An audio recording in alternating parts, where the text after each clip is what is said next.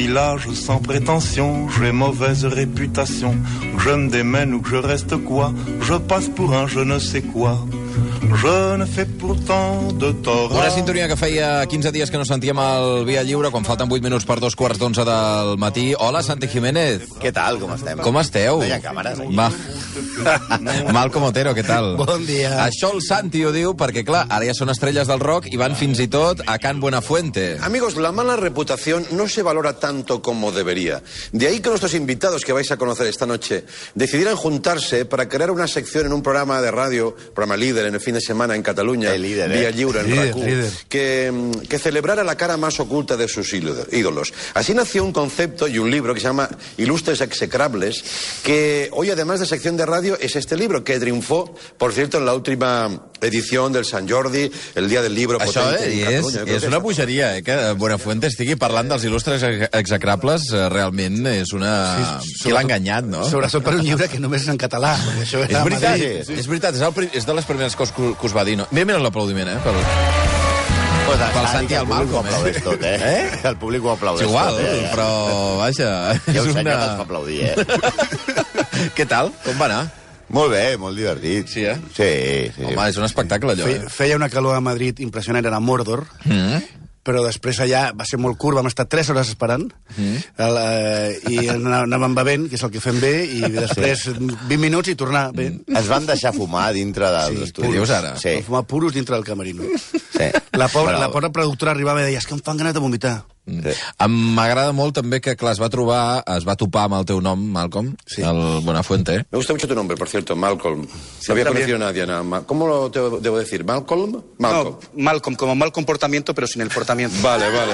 Vale, vale, vale. I aquí l'aplaudeix. A mi que m'encanta que aplaudeixen. Però aquest el tens preparat des de que tenies 13 anys, no suposo? abans. Això quan jo era a l'escola i deien estoy harta de vuestro mal comportamiento, jo em despertava i pensava que parlaven de mi. I uh, us vau, vau anar repassant Gandhi, Chaplin, uh, Teresa de Calcuta, Picasso, però fins i tot va aparèixer una imatge que va ser Andreu Buenafuente. Muchas gracias por venir. Yo por mí ya, ya estaría, si os parece. Por nosotros. No sé si tenéis algún... eh, ¿Quieres que te hagamos un pequeño examen rápido? Ostres!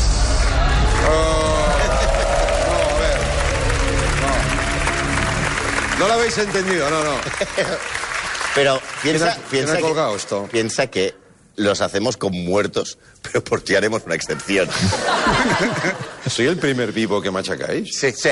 I van fer l'execrable del Buenafuente. Bé, penjarem tot el vídeo de la- de l'entrevista a través de les xarxes socials, però vaja, gran experiència eh, per, per Madrid amb, amb Can Buenafuente. S'ho va aprendre bé, això de fer-li l'execrable? El van preparar al bar de l'AVE. Sí o no? Sí, sí, sí. que com sempre eh, en un bar, que és el lloc en què es S'ha de dir que troben... totes les dades ens les va donar l'Ester Pujol. Va, tornem a l'execrable d'avui, que no és Andreu Buenafuente, òbviament. Avui...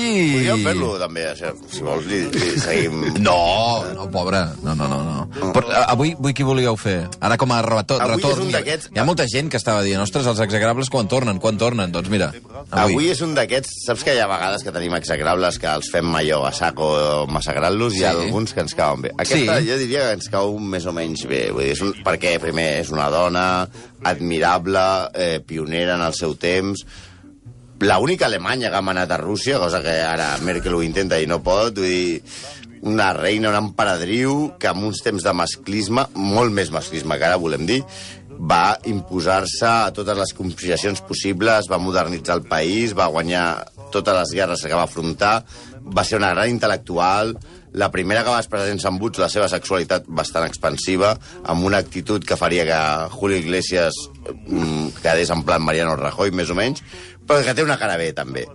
Va conspirar, va assassinar, va atrapar, Ah, bé. va trair, Molt va bé. manipular, i, eh, i va ser una persona eh, bastant execrable. Avui parlem de Sofia Federica Augusta Bonasna Selbst, que no sabreu ni qui és. Els russos la coneixen com Yekaterina Alexeyeva, que tampoc sabreu qui és, però si diem Catalina, segona la Rússia, Catalina la Gran, sabeu qui és. Catalina, Catalina Fernández Zairayo nació en Ureña. Molt bé, eh? És la que la defineix millor, aquesta cançó, eh? Estem sentint el primer rap de la història de la música. Lola que el va fer Lola Flores. Pues estoy por mi madre destrozar y más en Maya. Home, té el flow, eh? Té el flow. Que no, això és l'any 60, eh?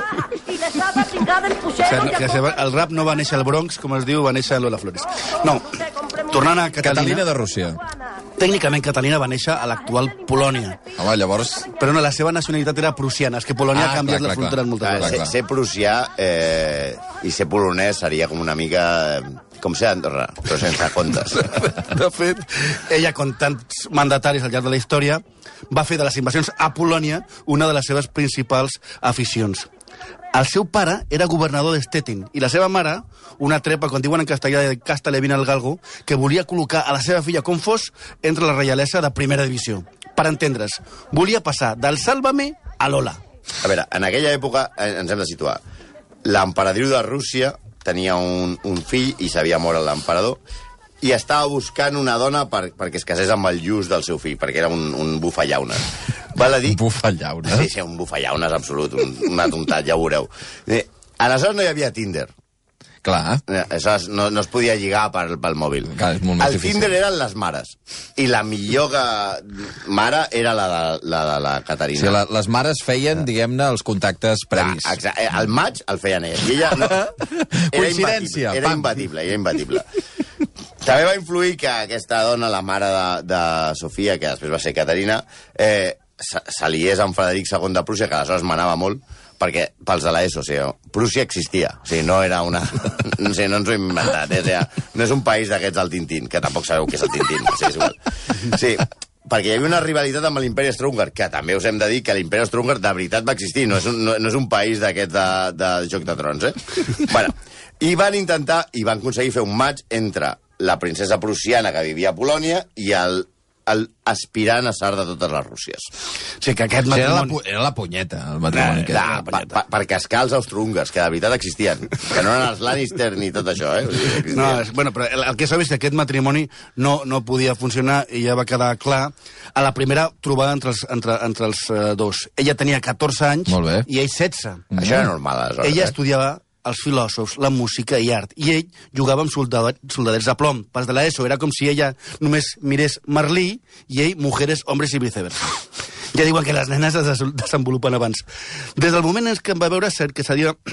Del moment que ella va veure que seria la dona del futur sat de Rússia, es va posar a estudiar rus com una boja, fins al punt que llevava la nit i repassava les lliçons caminant pel palau descalça. Va aprendre rus en dos anys, però als sis mesos ja tenia una pneumonia. Sí, va, és el que, és el que té Però estudiat. per què no... És que, Va clar. descalça. Però per què no es calçava? És que no entenc. No, bueno, perquè tu estudies rus i vas molt motivat. Clar, clar. I llavors t'has de posar com si estiguessis a Rússia, passar-ho malament, amb el fred, eh? serena, sí. Ells es coneixen quan tenen 14 i 16. Es casen dos anys després. Ella tenia 16 i ell 18. I ell, l'idiota, seguia jugant amb soldadets de plom. Perquè, a més a més, era impotent. Ah. I la seva impotència li feia més fàcil jugar amb soldadets que amb altres coses, no? I arriba un dia en què l'emperadriu, la mare del Pere III, eh, mor. Concretament és el 5 de gener de 1762. I eh, Pere III puja al tro convertint a Sofia, que ja havia renunciat a la seva religió, al luteranisme, per fer-se ortodoxa, i s'havia canviat el nom de Sofia a Ecaterina a, com a emperadriu consort. I aquí es van acabar les tonteries. El babau del marit li va durar sis mesos. Sí, al mes de juliol, Pere III li diu a Caterina, nena, me'n vaig de cap de setmana amb els amigotes a la torre. Queda't tu a Sant Petersburg. I ella, que estava fins al monyo, al monyo, fins on fos, d'aquest inútil, li monta un cop d'estat en dos dies. Ah, mentre l'altre estava de vacances. Tu ves Està allà... I, I Catalina s'estava tirant un tio que té Grigori Orlov, comandant de la Guàrdia Imperial, Hosti. que va dilerar el, que va dilerar el, el cop d'estat per deposar el tsar. Recordem, tenia, ella tenia només 18 anys. Brutal, Va, com eh? Messi, recuerda mi nom. Sí, Si amb 18 anys ja muntes un cop d'estat... cop d'estat, sí, sí, que és Tejero va trigar molt bastant més. Sí, sí, era, I era gran i tenia bigoti. I no va I funcionar. va fallar, sí, sí. Ella munta el cop d'estat i ja... Eh, però tampoc es carrega d'entrada el seu marit, que tenia 20 anys, i ella 18. I han dit que el Sart no era molt llest, eh? Ell accepta que el fotin fora del, del govern i sempre i quan posa unes condicions. Manutenció, que li deixessin una datxa a, allà a la Rússia i tal, un violí i un subministre sense límit de tabac i vi de Borgonya.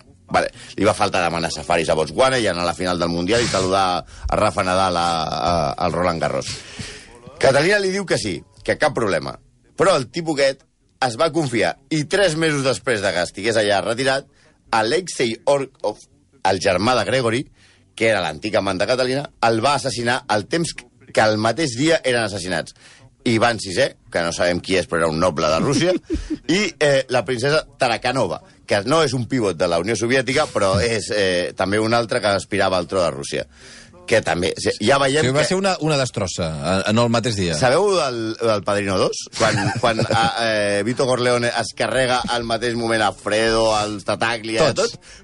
Això, no, això ja venia d'ella. I ella tenia aquí ta- encara 18 anys? 20 anys. Ah, 20, 20. I aleshores comencen els seus 34 anys de regnat. Clar, és que- 34, eh? És que, a veure, si em diu... Mira, puja, puja. Si amb 18 montes un cop d'estat i amb 20 et carregues el marit i tota la família. tota la carnisseria, evidentment no, només pots durar fins que, fins que tu vulguis. Una gran dona. Ja, ja em dic que ets cau bastant bé, eh? Sí, sí. Des del primer moment va demostrar que no estava per orgues quan volia manar. D'entrada, va expandir Rússia a base de guerres. Ah, bueno, clar, això, això és un altre, evidentment. sí, sí, no, ella guanyava tot. Ella era la guardiola... T'has de- carregat tot lo de casa, ara comença a carregar-te el que veia fora. Exactament. No? Al final del seu mandat, Rússia s'havia annexionat per la via de les armes territoris del tamany de França. Poca broma, eh? El fet d'haver nascut a Polònia no li va impedir fer del seu antic país un camp de batalla permanent. També va annexionar-se Ucraïna i va derrotar en dues guerres els turcs. Si els turcs eren tipus art de Turam, ho tenia fàcil, però és igual. El seu, ell, ella basava el seu control de l'exèrcit eh, amb, amb, que, amb un sistema molt fàcil. Es cruspia a tots els oficials i a tots els generals. O sigui, bàsicament, ella tenia una sexualitat que deia qualsevol tio amb uniforme li molava. O sigui, com la reina Isabel d'Anglaterra amb el Felip d'Edimburg, doncs ella més o menys el mateix, no? Que, aquesta és la manera més fiable d'assegurar-se la fidelitat de l'exèrcit. Tot i que les males llengües asseguren que per, per parar el seu marit va utilitzar tot el seu encant amb el cap de la guàrdia. Però per guanyar guerres va comptar també amb un altre dels seus amants. Atenció com es deia, que aquí us explicarem una cosa que sempre heu sentit i mai heu entès. Grigori Potemkin. Sí, Sí. sí, no només és una pel·lícula, era un senyor. Aquest tio era el cap de l'exèrcit de Catalina eh, la Gran. Sí, eh, sembla que aquest va ser l'home de la vida de Catalina. Tot i que quan es va cansar d'ell, que no va trigar massa, el el va canviar per un tio, un cadet bastant més jove, 40 anys més jove que ella. Però quan dius Potemkin... Eh, El del cuirassat. Sí, la- l'acorazado Potemkin... Sí, que és va- com el, Fast Furious d'aquest dels anys 20. Sí. sí, més o menys el, la guerra de les galàxies del, dels anys 20 era la Corazao Potemkin. L'acorazado Potemkin, les, Sí. les escaleres d'Odessa. Sí, perquè... Ah, molt bé. I, i després ho va fer a, a Los Intocables. Al... Sí. Bueno, pues ella estava molt enamorada de Potemkin, que era un tio magnífic, era, era, era eh, el seu general preferit, que va aconseguir que, després d'arrasar Polònia, per exemple, mm. eh, i haver matat a tot Déu, va construir un decorat perquè quan ella passés en Calessa veiés que eh, les cases estaven que esta, estaven construïdes. No fotis. Sí. O sigui, li va posar... Ho va tapar com, Eh. i per, perquè no veiés que estava tot fet una Perquè porqueria. semblava que havia conquerit alguna cosa decent i no... I no res. I, i, i s'ho havia matat tot. I quan va morir Potemkin, que era, diguem-ne, com el seu amant, però que ja no ho era, eh, va, de, va declarar tres dies de dol nacional i van dir, compramos una corazao. I com li van dir? Potemkin. Sí, I a partir d'aquí comença ja tota La història de la pel·lícula. La jungla de cristal, diguem-ne, russa. No, ell el que volia, a més d'anar rebentant polonesos, turcs i ucranesos per mitja Europa, era passar la història com una reina filòsofa.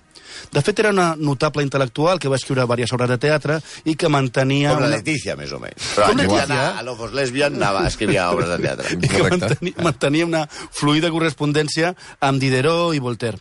Però era només moderna de portes en fora.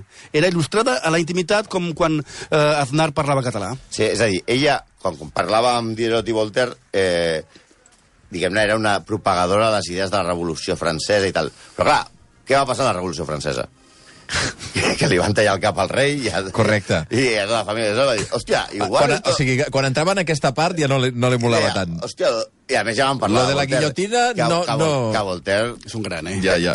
on no arribava con la punta de l'espada, Vinga, arribava... va, vale. va. Bueno, eh, Ai, per favor. per exemple, ella, que era molt defensora de les idees aquestes de la revolució i tal, quan va veure això, va dir, ojo que el pueblo tiene mala leche. I, per exemple, hi havia un, un escriptor anomenat Alexander Radichev, que jo no sabia ni qui era fins la setmana passada, però que va publicar un llibre denunciant eh, com tractaven els nobles els camperols de Rússia. I ella va dir, uh, Radichev, Radichev, sí, yo soy amiga de Voltaire, però Radichev te estás pasando que me estás, me, me, me estás la masa. I aleshores què va decidir ella? Radichev, a Sibèria. És veritat, va ser la primera eh, monarca que va aconseguir que a Sibèria fos una presó. Sí o no? Sí. O sigui, el, el gest aquest... Eh, La tan... primera tia que va enviar Uh, un tio a Sibèria, eh, Catalina. Va ser Catalina. O sigui, Ah, això, Raditxev aquest, això que s'ha convertit en uh, aquest, el deixem a Sibèria. Això ho va fer ella, sí, ho, sí, ho no, inaugura ella. Clar, perquè a més no era com aquí, que fas la model al mig de l'Eixample. Oh, clar, perquè no, tampoc no hi ha tants, Tu tants t'envies llocs. un tio a Sibèria i dius, ah, ja, tu, tu, tu ves tirant, ves, no. ves pintant la ratlla a la És carretera. igual, no arribaràs al Ja, lloc. De fet, Stalin era un imitador en aquest sentit.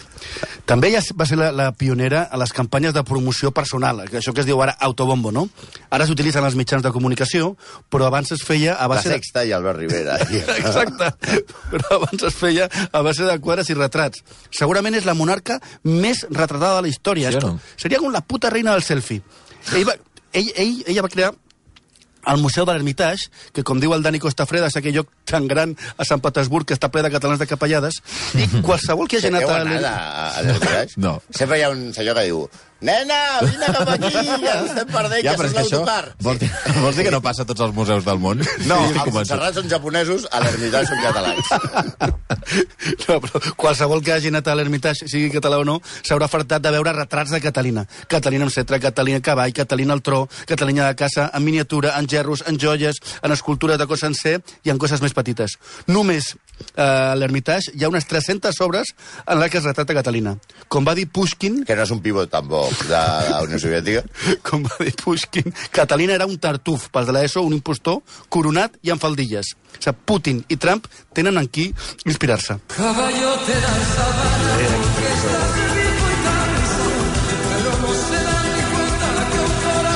Si punxeu Julio Iglesias, vull dir, no, te, no tenim cap mena de dubte que el tema serà... Sexual. Sexual. que, que també Ah, la, teniu la coses a dir. Que és la que anem aquí. Sí. Eh, tenim, ten, teniu coses a dir sobre Catalina Gran. Sí, la seva capacitat sexual, ja hem dit que es, es ventilava tota la, la guàrdia i tal, és impressionant. Eh, ella tenia Otoe a mans, però Otoe vol dir Otoe, i el reclutava sempre de, dels, dels, dels oficials més ben dotats de la seva guàrdia. Sí, ja sabeu que aquí es deia que Isabel II era un putón, que això era... Bueno, no, sí, Isabel, Isabel parlant II d'Espanya. Isabel. II d'Espanya era un, la Verge Maria.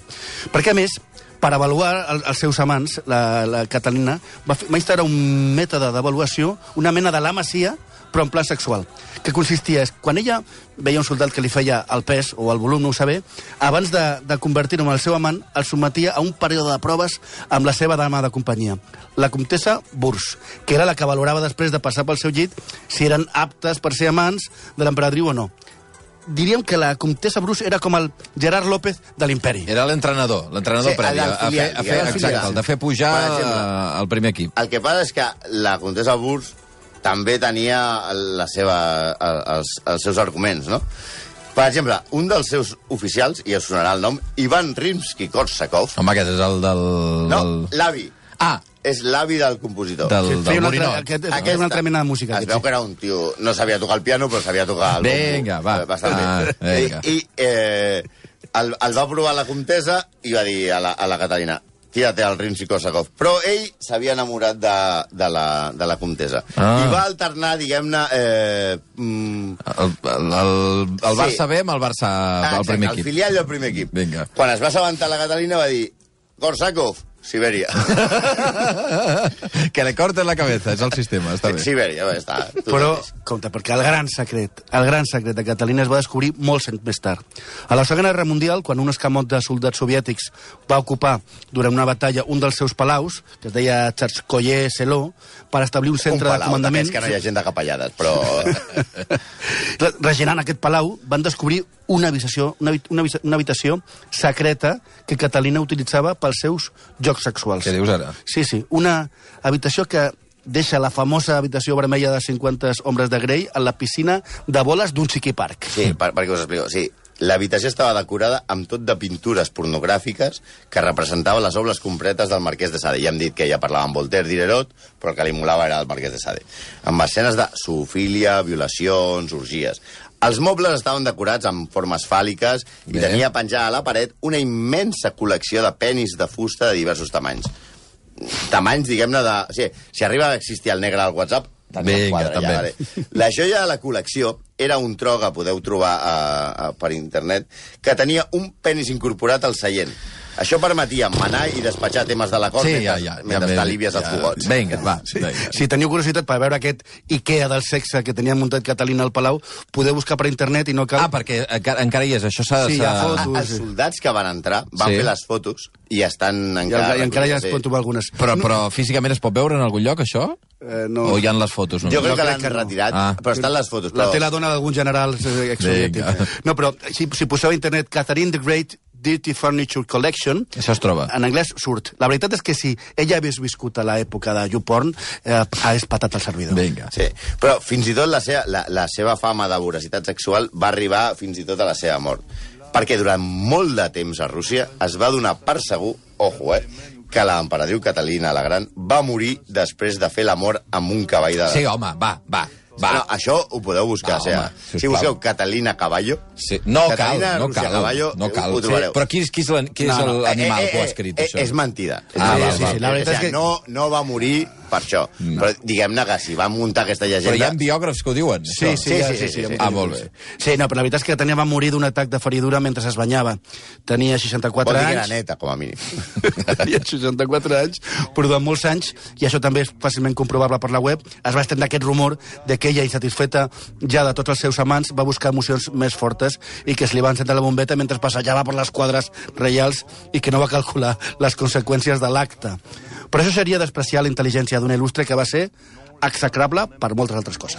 Però els cavalls els va deixar tranquils. Sí, sí, sí. Tres quarts, ens acostem a tres quarts d'onze del matí, execrables vosaltres, eh, de debò. Avui heu estat més execrables que mai. Avui, Ah, com, com ja estan els nens de vacances, ho podíem parlar. de Sí, coses sí, així. perfecte. No hi ha nens, avui. Uh, no, no n'hi ha, no. El Jordi diu, l'Hermitage és molt gran, està calculat, de fet, que si et quedes parat un parell de minuts per, per veure cada quadre, uh, estàs 10 anys. Allà. Excel·lent, excel·lent. Tres quarts d'onze del matí, gràcies, execrables. De Eh? fet, l'ermitatge és més gran que Capellada. Tout le monde viendra me voir pendu, sauf les aveugles, bien entendu.